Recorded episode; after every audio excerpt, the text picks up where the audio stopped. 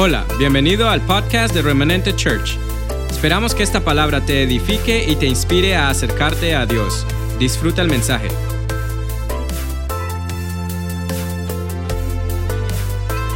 Buenos días familia. Bendiciones a todos en casa, bendiciones aquí. Les cuento a los que están conectados en Facebook. Primero, déjenos saber, Facebook, déjenos saber desde dónde nos estás escuchando, de dónde nos estás viendo. Segundo, y debería ser lo primero, comparta el mensaje. Hoy Dios nos va a hablar. Y lo que no dijo Juan Carlos es que él dijo, sí, yo estoy listo. Y hasta ayer a las 12 de la noche, él estaba listo para la palabra. Estaba dormida y se me sienta al lado y me despierta. Me dice, mami, ¿quieres tú llevar la enseñanza mañana?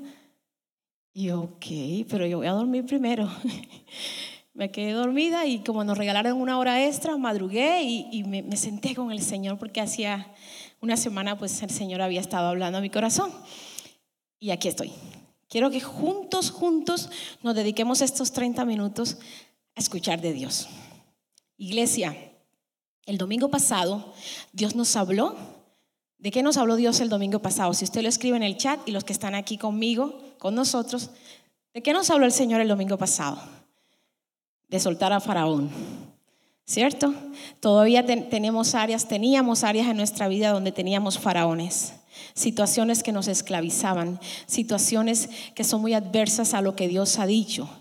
Y cuando a la iglesia, cuando a los hijos, cuando a las generaciones no se les enseña que somos hijos de Dios, el mundo nos enseña a vivir esclavos, esclavos de creencias, de sistemas, de la tecnología. Y no estoy diciendo que la tecnología sea mala, es un instrumento de Dios para este tiempo que usted y yo podemos usar. Así que aquí está lloviendo durísimo, durísimo, está lloviendo a cántaros, pero aquí hay un grupo grande que nos está acompañando. Tenemos varias personas valientes y esforzadas. Y usted ya creo que la última vez que miré el Facebook habían 50 personas conectadas y creyendo que usted compartió ya deberíamos ser 100. Pero bueno, el número no importa, importa el corazón dispuesto. Esta mañana, adivinen qué pasó.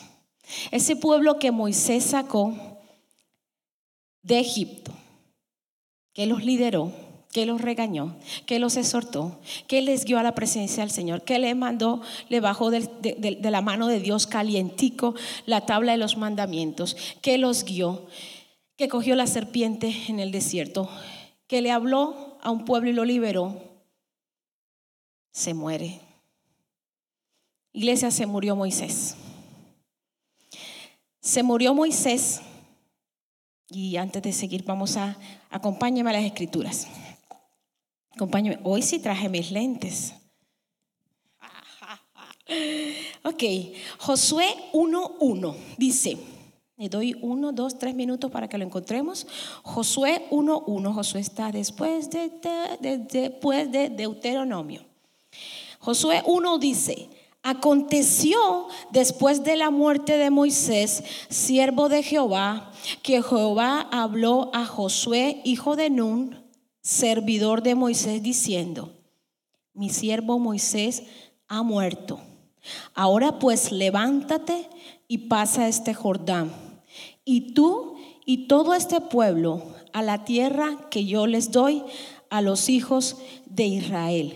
En el versículo 4, 5 dice, nadie podrá hacerte frente todos los días de tu vida. Pero si hay algo que me llamó la atención, dice, como estuve con Moisés, estaré contigo. No te dejaré ni te desampararé como estuvo con Moisés, está contigo y conmigo. Y no te va a dejar ni te va a desamparar. Las promesas de Dios son eternas, son siempre amén en Cristo Jesús. Dios no te va a dejar a desamparar. No es lo mismo, no es lo mismo ser el sargento que ser el capitán. Cuando usted tenga el control de las cosas, cuando usted coordine las cosas por mucho tiempo y usted no encuentre dificultad, quiero dejarte saber de parte de Dios que has dejado de crecer. Cuando usted hace lo mismo y lo mismo, y usted es el capitán, usted es el sargento todo el tiempo, todo el tiempo, y no te encuentras en un momento de un nuevo comienzo y pareciera una adversidad, usted y yo necesitamos mirar porque dejamos de crecer. El sargento Josué se le muere el capitán y le dice el Señor, de ahora en adelante usted va a ser el capitán. ¿Qué se nos ha muerto? ¿Qué se nos ha muerto en este tiempo? El trabajo, una relación. Lo podemos decir en la iglesia, en Eclesías, el pastor, la fe. A veces la fe se desaparece y nos entra un temor. ¿Qué se nos ha muerto? Iglesia, ¿qué se murió en ese tiempo? Se murió el líder, se murió el libertador, se murió el que veía a Dios cara a cara, se murió el que lo sacó de la esclavitud, se murió el capitán. Y queda Josué. Y le dice el Señor, como estuve con él, voy a estar contigo. Dios nos dice eso mismo hoy. Pero hay algo que nosotros tenemos que saber de parte de Dios. Él estará contigo y conmigo, pero no lo hará por ti y por mí.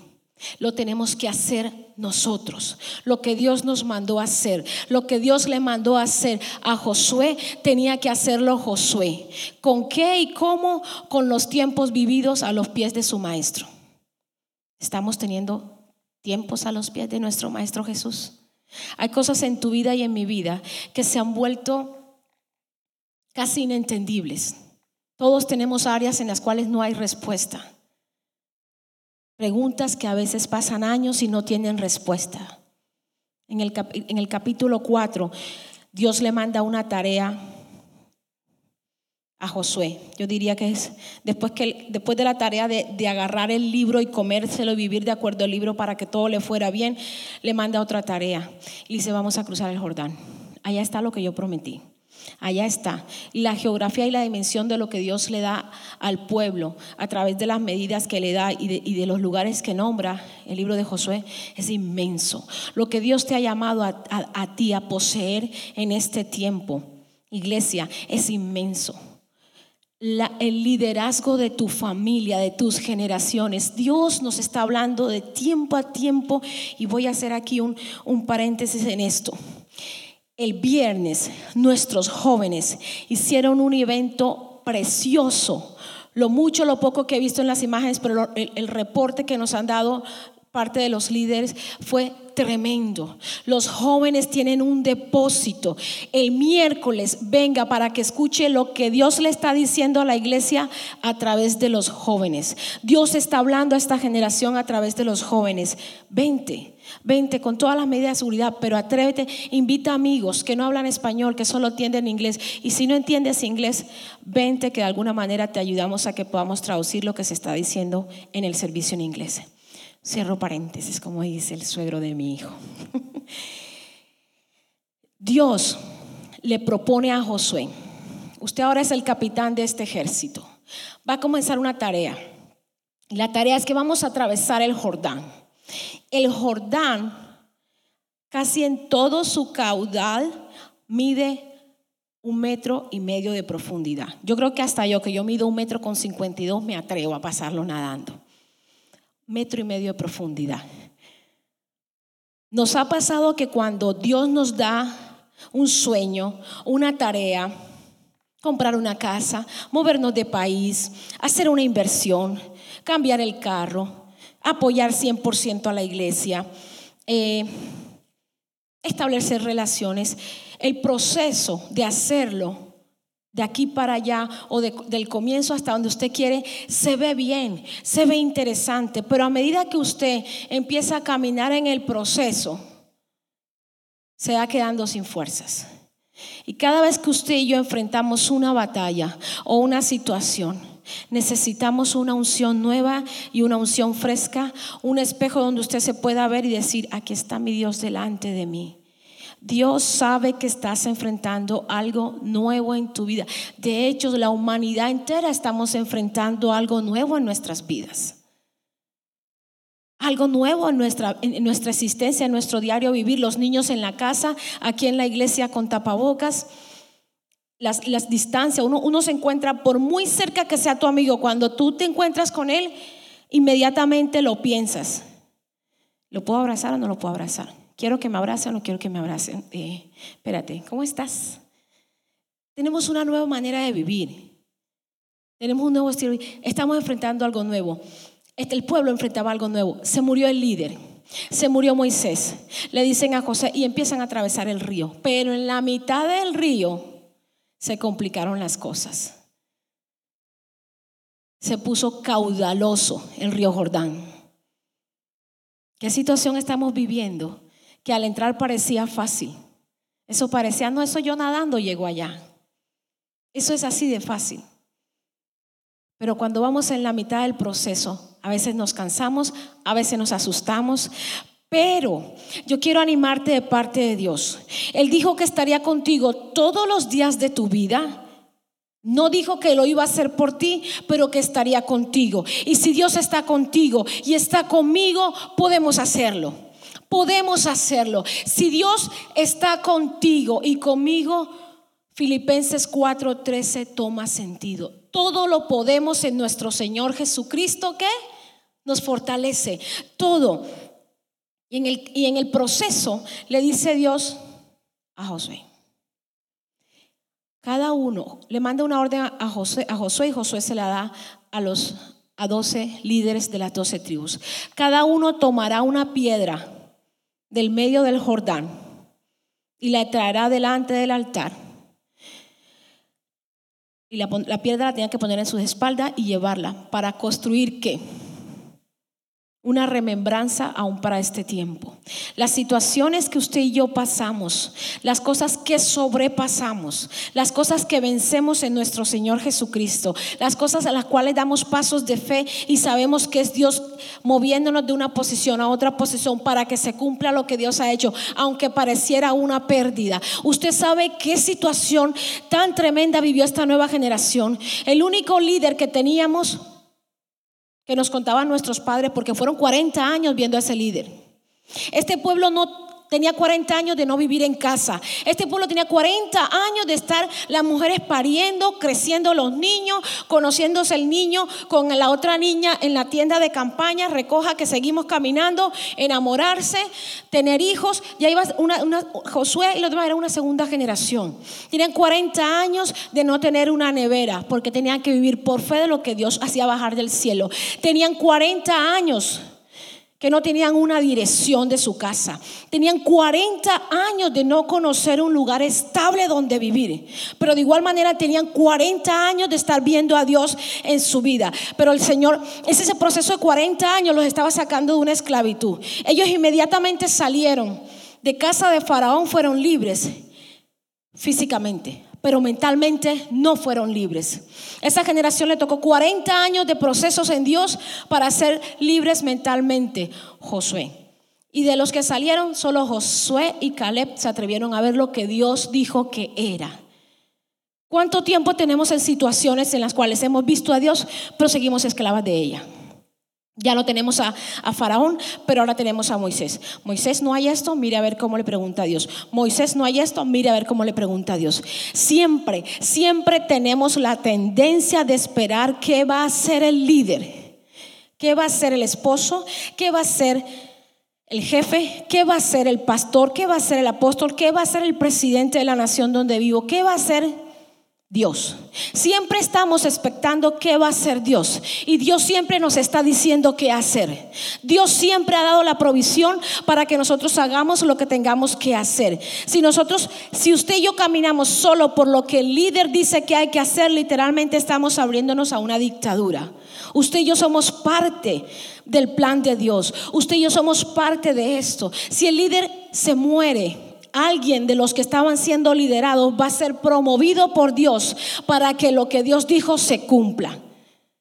No siempre podemos estar expectando que a quien tengamos de cabeza sea que haga las cosas.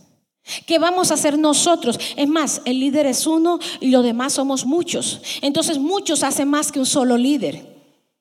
Si todos nos ponemos a hacer, se hace la gran diferencia. Josué fue escogido y Josué se siguió de doce, pero de doce solo dos le siguieron, pero con doce puede. Junto con mi esposo creemos que vale más una iglesia de 20 familias con un corazón para Dios, que su dinero sea regido por Dios, que sus manos, sus pies, su cabeza sean para Dios, que den testimonio de Dios, que una iglesia de 5 mil que no caminen con Dios. Es mejor contar con dos que crean que con 50 que exijan. Y le dice el Señor a José, Ok, está en la mitad del río. Esto se puso feo.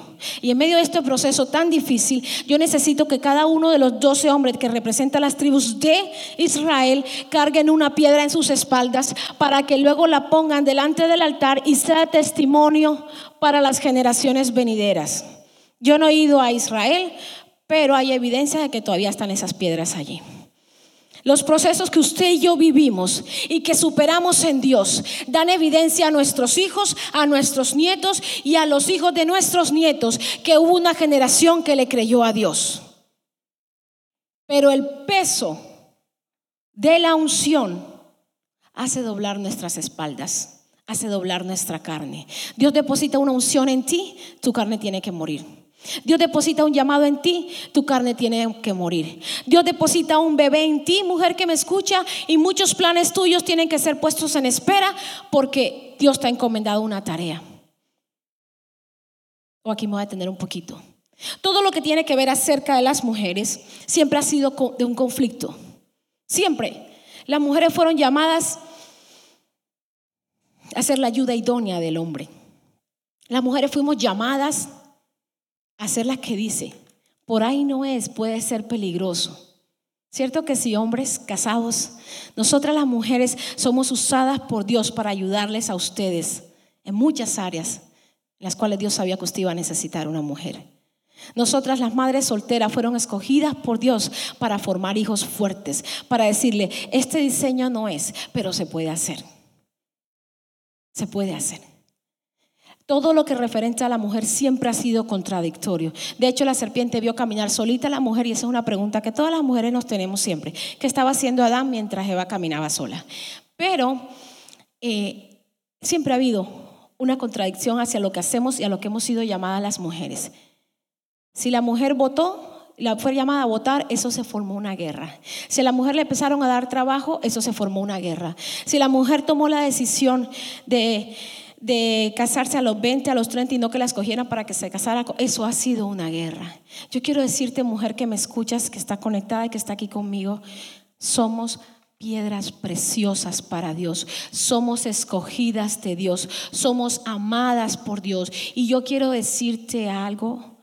Si usted me ve a mí predicar en pantalón y con labial rojo, no se detenga, no se detenga. Escuche lo que Dios está diciendo y déjeme a mí lidar con Dios mis formas. No nos detengamos por las formas de las personas. Escuchemos lo que Dios está diciendo, lo que Dios está llamando a hacer en este tiempo. Nos hemos quedado con las formas. El pueblo venía con dolor de verdad Jehová de los ejércitos me sacó de donde no me hacía falta nada, pero no tenía derecho de nada. Me da un líder. Que lo que iba a durar 40 días duró 40 años. Hay cosas en tu vida que están durando más que lo que tenían que durar, no por Dios, sino por tu decisión y por mi decisión. Dios me trajo a este país hace 21 años.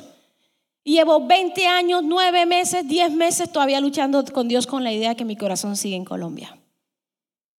Todos tenemos luchas, todos tenemos situaciones en las cuales hemos atrasado cosas de Dios, pero le echamos la culpa a Dios.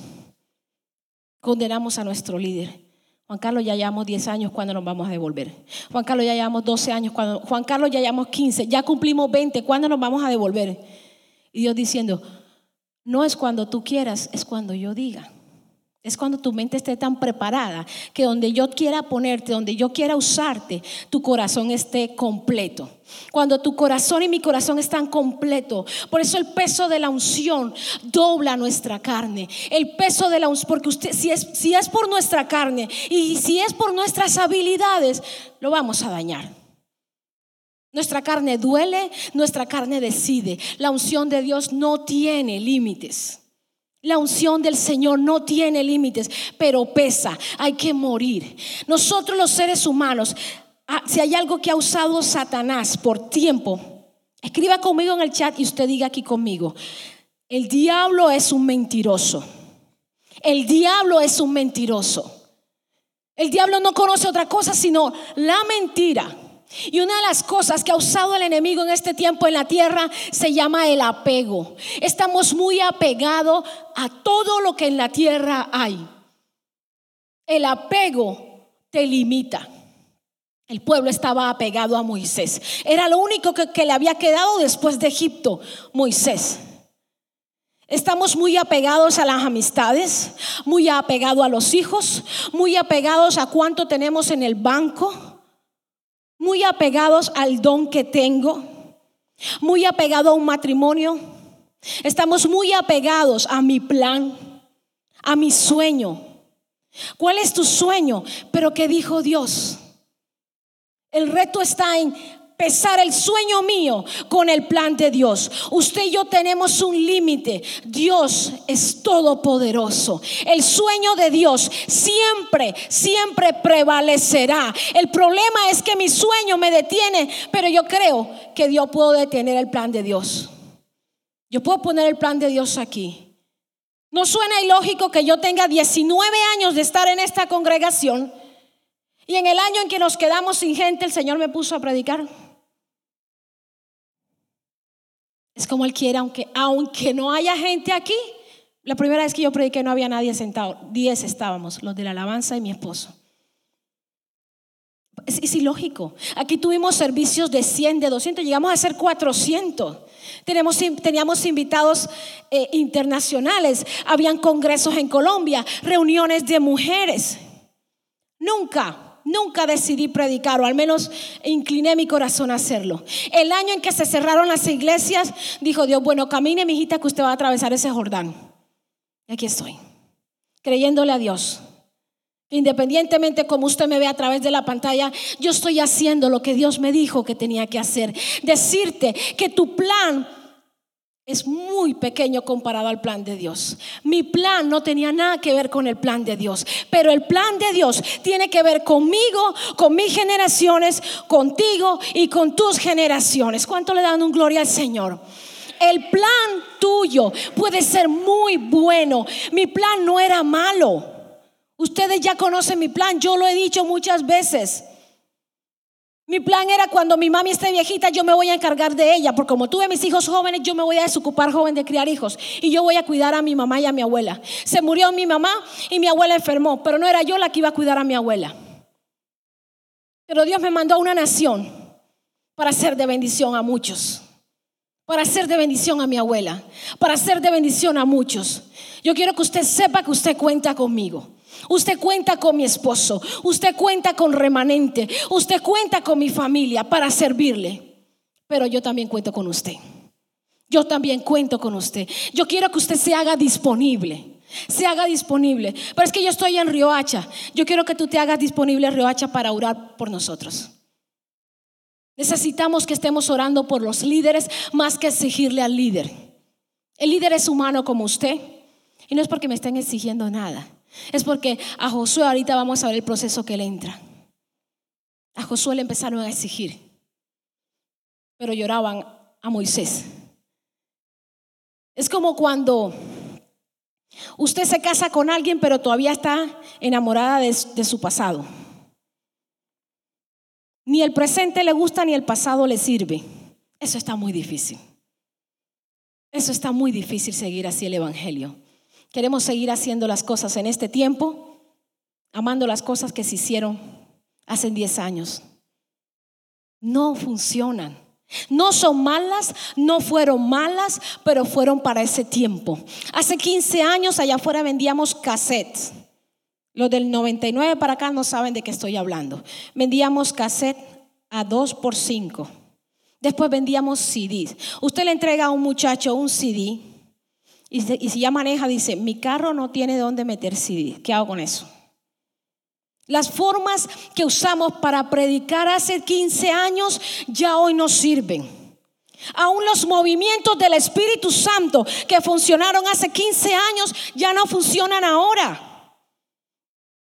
Dios es generacional, Dios es moderno, Dios se mueve, pero Dios es santo, Dios es sublime y Dios es eterno. No le exijamos a la generación de Josué, a la generación del 2020, que se comporte como Moisés, que se comporte como tú y yo en los noventas. ¿Cómo es posible que los jóvenes vengan a la iglesia y lo vea uno metido en el celular? Yo cuando iba a la iglesia a mí no, no, cuando íbamos no había celular. Si hubiésemos tenido celular en el 90, también nos hubiéramos metido en el celular. Si bien tienen que prestar atención al servicio, si bien tienen que ver, pero antes usted y yo podíamos estar sentados 25 y 30 minutos mirando a un predicador. Nuestros niños pequeños vienen siendo entrenados a un sistema en que ellos necesitan y ocupan su mente cada 5 o 10 minutos, están teniendo que tener la atención puesta en algo. No podemos exigirle al joven que se comporte como usted y yo nos comportamos en la iglesia. Yo no puedo pretender que Natalie se siente a escuchar, como en mis tiempos, una misa de 25 30 minutos y yo le dé un pellizcón a Natalie y Natalie se quede quieta. Me va a decir, guay, mamá, delante de todo el mundo. Mi abuela me podía dar un pellizcón y yo tenía que estar así, bien. Así, escuchando al sacerdote. Los niños cambian, las generaciones cambian. Josué le dice, ustedes van a traer las doce piedras, vamos a hacer un altar, pero venían llorando a Moisés. Otra vez atravesar otro charquito de agua, pero es que porque Dios no las pone difícil. Si usted y yo no enfrentamos situaciones difíciles, ¿dónde vamos a usar la fe? Entonces tenemos a un Dios que nos hace sufrir todo el tiempo. No, no, sencillamente usted y yo estamos en un territorio del enemigo. Usted y yo estamos en un territorio de Satanás. Hermana, no se ponga religiosa. Usted y yo se nos dice que somos soldados del Señor. Un soldado se entrena y un, soldado para qué lo usa. Los soldados no son guías turísticos. Los soldados no. Un soldado es alistado para pelear la buena batalla. ¿Cuál es la batalla más grande que usted y yo tenemos? En que pareciera que todas las cosas se nos ponen difícil. Se nos pone difícil muchos retos. Dios da una profecía, a usted alguien le dice algo, usted leyó algo en la palabra, usted toma un paso de fe y empieza a ponerse todo difícil. Mete usted sus papeles a inmigración, porque Dios lo trajo para Estados Unidos. Los tres primeros pasos en inmigración salen bien y cuando usted le dice faltan seis meses para que le llegue a la residencia, tumban las torres gemelas y lo que tenía que durar cinco meses duró seis años. 365 por 6, si alguien me saca la cuenta y lo coloca por 6, no, podríamos poner 360 días al año. Por 6 años yo iba corriendo todas las tardes a ver si en el correo había llegado mi residencia. Y no llegaba a la residencia. Pero si me dijeron que era 5 años, pero tumbaron las torres gemelas. Se murió Moisés. Se murió mi plan. Yo iba a durar aquí unos 10, 11 meses y después me iba a volver a Colombia y iba a dejar a Juanca aquí. Ese era mi plan. Y Juanca que me visite, porque como vamos a tener residencia, Juanca me visita, pero yo me quedo en Colombia, yo crío a mis hijos. Mire, Juanca no sabe esto. Por ahí me encontré una agenda donde yo tenía todo el plan, todo el plan. Hasta sacaban números en dólares, pagaban a 2.500 el dólar en el 2006. Yo decía, yo me devuelvo con Helber y Carolina y si él gana tanto y me manda tanto, con eso pago escuelas privadas, me compro un carro y rento un apartamento. Y yo decía, sí, pero se le va a morir Moisés. Se le va a morir Moisés. Se me murieron muchos Moisés. Me tocó poner la mirada en Cristo. ¿Qué se te murió? Soltamos a Faraón, montamos un nuevo líder y se muere el líder. Muchos planes hicimos para el 2020. Muchísimos planes. Mira, este año es extraño, pero con mucho fruto. Extraño, pero ha tenido fruto. Si yo me siento con cada uno de ustedes y después cuando termine el servicio contacto a cada una de las personas que están conectadas, yo sé que sé en el nombre de Jesús que usted me tiene una buena noticia del 2020. Yo sé que sé que mi redentor vive y que Dios ha tenido misericordia de ti y de mí en medio de una pandemia. Si no, estamos conectados, estamos vivos. Estamos vivos, siempre lo voy a decir. Mientras usted y yo estemos vivos, podemos mover un pueblo a los pies de Cristo. El problema es cuando ya usted y yo estemos muertos. Los apegos, somos muy apegados, pero en la palabra encontramos muchas cosas y muchas historias donde cuando usted y yo entendimos el desapego, somos más que conquistadores. Ruth se casa. Ruth se casa para salir en medio de, su pueblo. Me casé con un hombre joven, voy a tener hijos Así como los planes que yo tengo en esa agenda en el 2005-2006. Y se le muere el marido. Y se le muere el cuñado. Y se queda sola con la suegra. Pero Ruth sufrió un desapego. El desapego de Ruth dijo, donde quiera que tú vayas, yo iré. Tu Dios será mi Dios y tu pueblo será mi pueblo. ¿Puede haber un desapego más grande que renunciar al Dios que tenemos o a la nacionalidad que Dios nos ha dado? Y ella se desapegó de ese plan. Ella era joven y se pudo haber devuelto y casarse, pero ella dijo, no, yo voy a ir, yo me voy a encontrar con un rey, yo me voy a encontrar con un rey, yo voy a ser del pueblo de de mi suegra. Y ella renunció. Pablo, Saulo de Tarso, después que tiene un encuentro con Dios, le tocó desapegarse y él dice, todo lo que sé, todo lo que tengo, todo lo que he sido instruido, todo lo que he caminado, todo lo que he viajado, a los miles de cristianos que le he volado la cabeza, todo lo hice en ignorancia, pero todo lo que sé, renuncio a eso por el amor a Cristo. Jesucristo mismo sentado en gloria. Una mañana vino Dios. Eso está en mi Biblia, no en la suya. Y se sentó Dios al lado de él. dice, hijo mío, toca que se quite la corona, se quite la capa, porque lo voy a mandar en forma de hombre para la tierra. ¿Y qué dice tu palabra y qué dice mi palabra? No teniendo en cuenta toda su gloria, se despojó de ella para venir a la tierra y volverse un hombre como tú y como yo, con miedos, con deseos, en carne, criado por papá y mamá, en una opresión tenaz. Hace unos días alguien me mandó un versículo bíblico que dice el Señor Jesús, dice, pues yo no he venido a traer paz, sino a crear guerra entre, entre padres e hijos, entre naciones y entre pueblos. Y a mí, qué raro que eso digan del Señor Jesucristo. Yo le dije, nuestra fe implantada por el Señor Jesús nos va a ser diferente. Cuando Él vino aquí a la tierra había un sistema y Él vino a pararse en medio del sistema y a decir, mi Padre que está en los cielos me ha enviado para traer libertad a los oprimidos, a dar vista a los ciegos eso sigue vigente, pero no a través de Jesús, sino a través de ti y de mí. Pero por medio del apego, que lo haga Senia, que lo haga Alba Lorena, que lo haga el pastor Wilmer, no el pastor, que lo haga otro. Pero yo no, yo no quiero, a mí no me parece, yo no estoy de acuerdo, no está bien, me da miedo, otro día.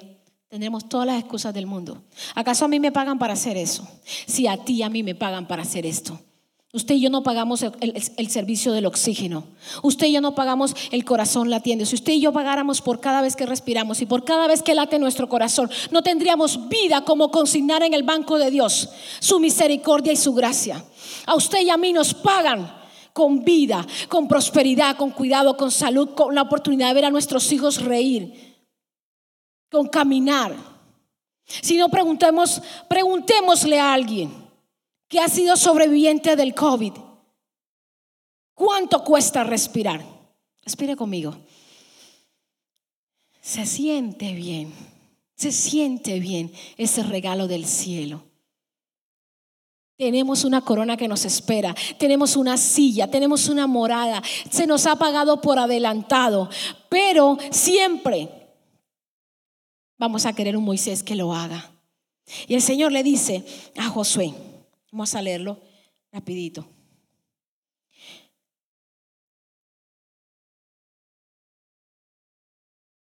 Tomad al pueblo tomad del pueblo, 4, 2, voy a irme hasta el 4 mejor. 4, 4 dice, entonces llamó Josué a los dos hombres, a los doce hombres a los cuales él había designado entre los hijos de Israel, cada uno de una tribu, de la tribu, y les dijo Josué, Pasad delante del arca de Jehová vuestro Dios a la mitad del Jordán, y cada uno de vosotros toma una piedra sobre su hombro conforme al número de las tribus de los hijos de Israel, para que esto sea señal entre vosotros. Y cuando vuestros hijos pregunten a sus padres mañana diciendo, ¿cuál es la palabra mañana? Diciendo, ¿qué significan estas piedras? Le responderás que las aguas del Jordán fueron divididas delante del arca del pacto de Jehová cuando ella pasó el Jordán. Las aguas del Jordán se dividieron y estas piedras servirán de monumento conmemorativo a los hijos de Israel para siempre. Mañana y para siempre. ¿Qué tenemos o qué vamos a tener para contarle a nuestros hijos y a nuestros nietos de parte de Dios si no hacemos la voluntad de Dios? ¿Usted sabe qué estaría yo contándole ahora a Carolina y a Helber si mi plan del 2006 lo llevo a cabo? ¿O qué, o, qué sería de los, de los nietos míos? Me pongo por ejemplo porque lo estoy diciendo, pero usted lo puede poner en su contexto tomamos decisiones, pero el, el para siempre de tu familia y de mi familia y de las generaciones venideras depende de lo que usted decida hacer hoy y mañana. Mañana es el momento más inmediato, hoy y mañana. Cada decisión que usted tome, Juan Carlos hace días, hace varios domingos predicó y dijo, los jóvenes a veces toman decisiones poniendo en juego sin pensar en sus padres, en ellos mismos y en las generaciones venideras ya sea irse de casa, ya sea tatuarse el nombre de la novia y del novio que mañana ya no va a ser ese novio y esa novia. ¿Usted se imagina ese problema tan grande? Y si se hicieran el tatuaje así de chiquitico, pero se, atreven a hacerse un tatuaje del grande de la placa del bus que yo cogía para ir al colegio, que de lejos se veía. Y después a los seis meses se terminó la relación. Toca poner un negocio de planchas calientes. No tengo, no vamos a entrar en el tema de los tatuajes, eso es muy personal y cada quien lo maneja.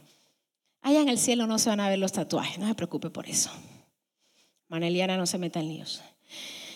Nada, absolutamente nada, iglesia, de lo que Dios le prometió a Israel dejó de cumplirse. Nada de lo que Dios te dijo a ti y a mí dejará de cumplirse. La disposición tuya y mía hace la diferencia, hace la gran diferencia. ¿Cuál es la situación que tienes enfrente tuyo? ¿Una enfermedad?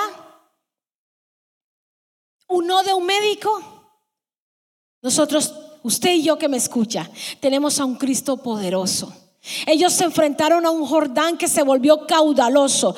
Ojo, se supone que mide metro y medio, pero hay momentos en que situaciones que son fáciles para otros, para usted y para mí, se ponen tan adversas que necesitamos milagro de Dios. ¿Qué milagro de Dios estás necesitando? ¿Qué milagro de Dios estamos necesitando? Para el que cree todo es posible. Todo es posible. ¿Cuántas personas hay conectadas? 68 personas, 68 familias. Aquí vemos como unas 30. Somos casi 100 personas puestas de acuerdo en que para el que cree todo es posible, todo es posible. Josué le creyó a Dios. Usted y yo tenemos el trabajo de leernos el libro de Josué. Josué le creyó a Dios el peso de la generación que acababa de ser libre, el peso de una tierra desconocida, el peso de la muerte de Moisés. Pero él se atrevió, se atrevió. ¿Y de qué manera se puede uno atrever? Creyéndole a Dios. Desapeguémonos de lo que conocemos, de lo que fue, de lo que queremos que sea y agarremos el presente de nuestra vida de lo que dijo Dios. Él obedeció a Dios.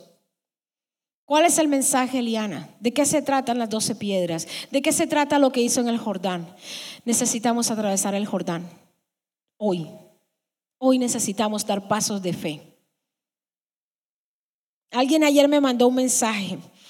Es un tiempo donde aunque las tinieblas rodeen la tierra, la luz para los hijos de Dios es real. Es real. No podemos vivir en la oscuridad de la tierra. No podemos vivir en el pecado del mundo. No podemos vivir en los planes del hombre sin reconocer que la luz del Señor está en ti y en mí para alumbrar a los que están en la oscuridad. El apego y la condenación ha evitado muchas veces que el Evangelio camine a pasos agigantados, agigantados como debería ser. Como debería ser.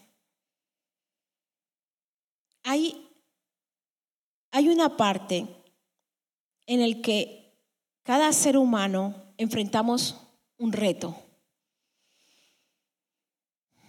Un reto en el que se necesita ver a Dios. Esto voy a ser muy enfática.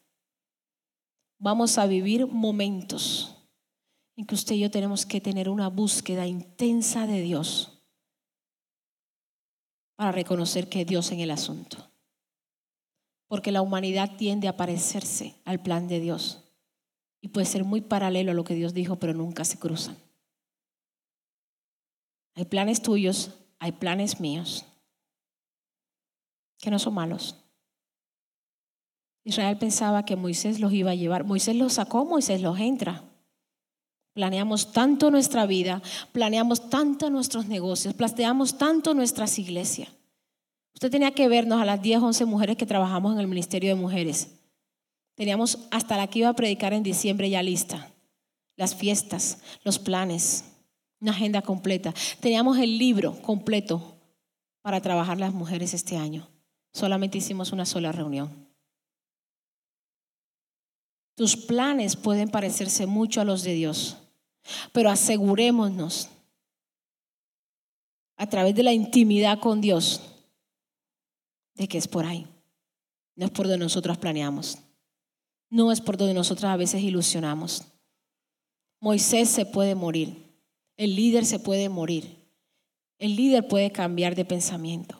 Pero nuestro Dios es eterno y Dios se mantiene. Dios dijo y Dios cumple. Dios te escogió y Dios te va a perseguir todos los días de tu vida. Todos los días de tu vida, llámenes como te llames, viva donde viva, crea lo que crea, planee lo que planee, con, con un dólar o con millones de dólares. El plan de Dios se va a cumplir. No hay absolutamente nada, nada que usted y yo podamos detener para que el plan, solamente nuestro pensamiento.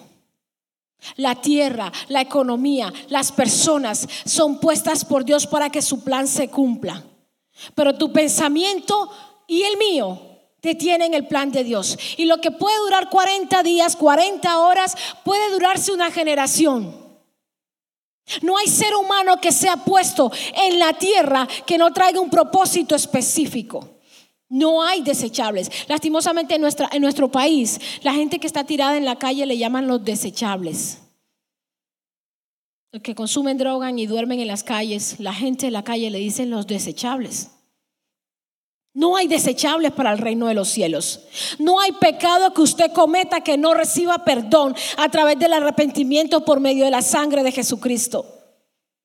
No hay señalamiento de ningún hombre que pueda ser mayor que el perdón de Jesucristo. No hay nada, nada, tú que me escuchas, no hay nada que tú puedas hacer para evitar que se cumpla lo que Dios dijo Dios tiene planes contigo y conmigo. Dios va a hacerlo. Pero se puede demorar el tiempo que usted y yo dispongamos nuestro corazón, nuestra mente, nuestros cuerpos. Pongámonos a disposición de Dios. Josué se enfrentó a una situación tremenda. Ya no era Faraón, ya no era Moisés, ahora era él. Ya él no era el sargento, ahora él era el capitán. El capitán de una generación que no conocía ser dueño de nada, que venía de una esclavitud y que entraba a una tierra que fluía leche y miel y que lo iban a tener todo. Puede ser muy difícil, muy absurdo, muy extraño lo que tengas delante de ti como pastor, como padre, como esposo, como hijo, como estudiante, como negociante, como inversionista. Todo es nuevo para todos. No hay, no hay nadie en esta generación que pueda decir, oh, que yo ya eso lo viví, yo te puedo decir cómo es. Y yo te puedo decir cuánto se demoran en sacar la, la vacuna. Y yo te puedo decir más o menos cuántos se van a morir. Nadie sabe y nadie sabía. Sí, estaban, sabían los científicos y la gente que estaban programando un virus, pero nadie sabía cómo se iba a comportar ese virus. Y todavía nadie sabe cómo detener al virus. Pero tampoco nadie sabe todo lo que Dios tiene planeado para ti, para mí, para esta generación venirá. Dios hará, Dios hará lo que tenga que hacer sobrenaturalmente. Así como se abrió el Jordán, se van a abrir puertas aún en medio de esta pandemia para que el plan de Dios se cumpla en tu vida y en mi vida. Ya soltamos a Faraón y se pueden morir muchos Moisés de tu vida y de la mía. Alguien me llamó. Me quedé sin trabajo me quedé sin trabajo. ¿Qué voy a hacer? Yo me fui a orarle al Señor. Porque tengo planes de bien y no de mal para darte el fruto que esperas. Dios tiene cuidado, Dios tiene cuidado. Se murió ese Moisés, pero Dios te va a abrir un Jordán para que entres a una tierra prometida. Me dijo que me amaba y se fue. Maneliana me dijo que me amaba y se fue. Querida amiga, no le amaba porque se fue. Porque quien ama no abandona. Quien ama no abandona. Cuando usted ama a algo, usted ama a alguien o usted ama una cosa que Dios dijo, aunque usted no le... Mire, no le vaya a contar a nadie esto, y menos al pastor Wilmer. Mi esposa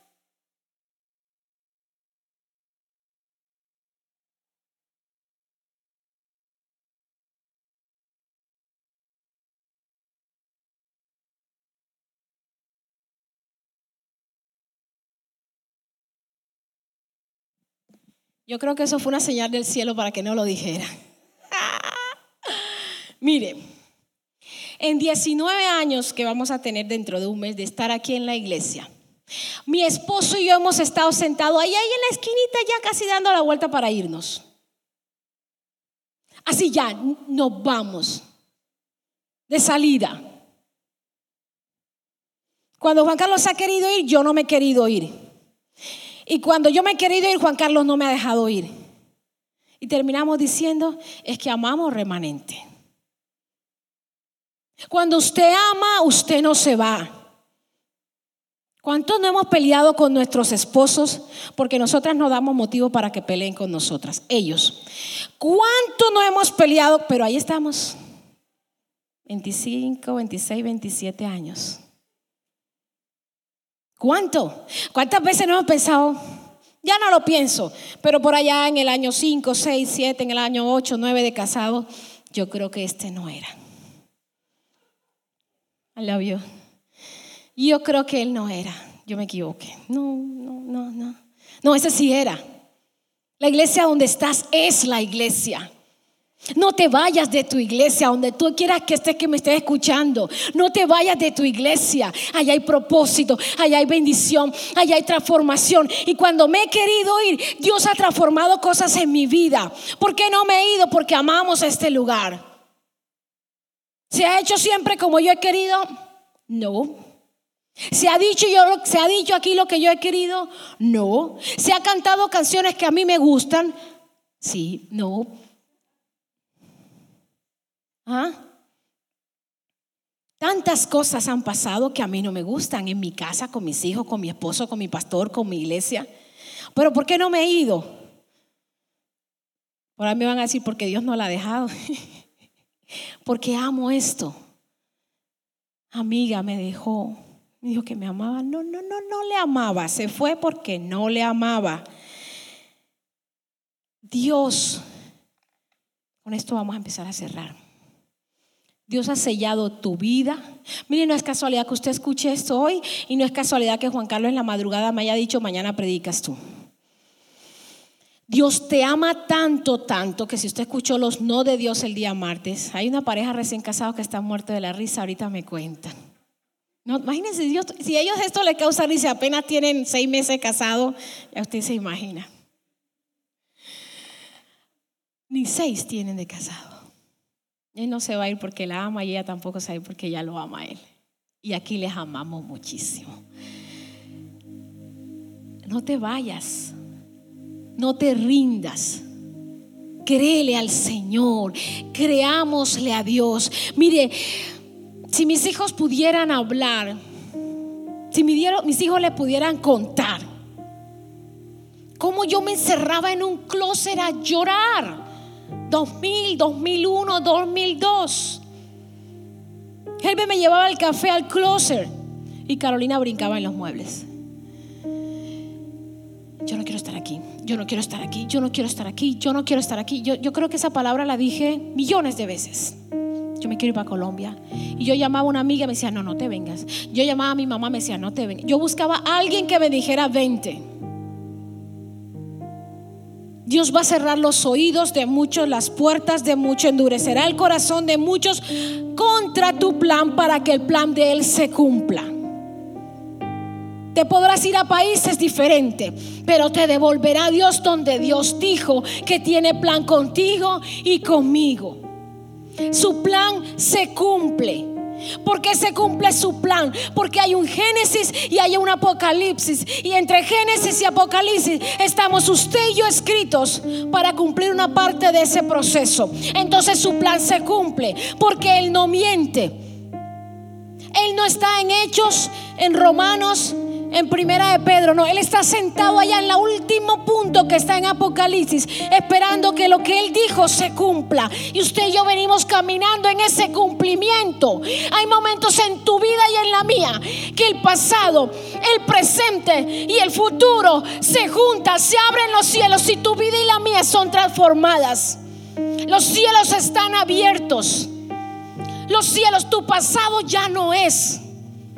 Tu pasado ya no es. Busquemos el pasado. ¿Dónde está el pasado? Si acaso en una foto. Estaba viendo una serie. Un tsunami en el 2011 en Japón. Se levantó de un momento a otro y se llevó todo un pueblo. No quedaron ni las fotos. Entonces el pasado dejó de existir. El presente le pertenece a Dios. El presente es ahora, el presente es este momento que usted tiene para compartir este en vivo. El presente es este momento que usted tiene para dar el diezmo al Señor y su vida se transforme. Créamelo, si pasa, usted le da a Dios y Dios transforma todas las cosas. Yo soy testigo de eso. Mi casa es testigo de eso. Ayer en la tarde yo veía correr mis nietos en el restaurante. Pero cuando mi esposo lavaba baño, yo decía, cuando yo tenga hijos, nietos, yo quiero que mis nietos vayan a mi restaurante. Lo que Dios dice se cumple. El anhelo de tu corazón está escrito en las manos de Dios, pero solamente necesita tu obediencia. Tu obediencia. Dios no necesita tu dinero. Dios no necesita humanamente tuyo, nada. Él necesita tu obediencia. Él necesita que te desapegues del Moisés para que conozcas a Dios. Él necesita que dejes de ser un sargento para que seas el capitán de lo que Dios dijo. El sargento siempre está siguiendo las órdenes del capitán. Pero si el capitán se muere, le tocó. Le tocó dejar de ser sargento. Iglesia de Dios, la sanidad te pertenece. La sanidad te pertenece. La liberación te pertenece. En el nombre de Jesús. Si me acercan un poquito a la cámara, yo quiero hablar específicamente a la gente que está conectada. En el nombre de Jesús, yo declaro que la sangre de Cristo te liberta de tu pasado, te establece en tu presente y te proyecta un futuro de parte de Dios. Yo declaro en el nombre de Jesús que todo aquello que te ha dolido, lo ponemos en las manos del Señor y es, restaurado tu corazón. Es que yo me divorcié, yo no me quería divorciar. Pero a razón de tu, divorcio, de tu divorcio hoy conoces a la persona que yo había escogido para ti. Es que yo no me quería mover de país. me trajiste para acá. Pero a razón de tu obediencia, incluido dolor, incluida depresión, incluido sentimiento de abandono, yo he creado provisión para esta generación porque mi casa y yo serviremos al Eterno. Mi casa y yo serviremos a Jehová. Dilo conmigo, créelo conmigo. Mi casa y yo creeremos que el Señor nos ha escogido para este tiempo. Aún los hijos que no has tenido están pactados con Dios para el futuro nombre de Jesús, sé libre del dolor, sé libre de toda enfermedad. Toda palabra que, han dicho sobre ti, que enfermó tu cuerpo, que enfermó tu alma, en el nombre de Jesús, yo declaro que eres libre. Ahí donde tú estás, pon tu mano donde te duele, donde estás enfermo y recibe liberación en el nombre de Jesús liberación para tu cuerpo en el nombre de Jesús. ¿Qué es imposible para Dios? Te pregunto en esta mañana. ¿Qué es imposible para el que sostiene todas las cosas con el poder de su palabra? Nada. Solo necesita un corazón que crea. Solo necesita un alma que diga, aquí estoy yo. Úsame aunque no quiera, aunque no crea, aunque no vea, aunque no entienda. Dios seguirá siendo Dios. Amén. Dios seguirá siendo Dios. Señor, te amamos. Señor, te amamos. Iglesias, ese es tu momento. Este es tu momento. Este es tu momento para implantar el Evangelio. Este es tu momento, pastor, que me escuchas, para creer que eres el capitán del área donde Dios te ha colocado para implantar palabra nueva, para implantar decretos nuevos, para implantar esperanza en la nueva generación que Dios te ha entregado donde quieras que estés pastoreando, liderando, sacerdote que me escuchas, líder político que me escuchas. Este es tu momento para doblar rodillas delante del Señor y decir, aquí estoy, úsame, deja que tu palabra fluya a través de mí y que tu voluntad se cumpla para que las generaciones en el futuro vean las piedras de los procesos conquistados y sepan que un Dios estuvo con Josué, estuvo conmigo y estará con los tuyos. Amén, iglesia. Dale gracias al Señor. Jesús, te amamos. Adoremos un minuto al Señor. En este momento, si es primera vez que tú estás conectado, repite conmigo, Señor Jesús, yo te recibo como mi Salvador. Te pido que perdones mis pecados, que escribas mi nombre en el libro de la vida y que pueda servirte, Señor, aquí en la tierra todos los días. En el nombre de Jesús. Amén. Adora al Señor, iglesia. Esperamos que este mensaje haya sido de bendición. No te olvides de suscribirte a nuestro podcast y seguirnos en Facebook e Instagram arroba remanente church.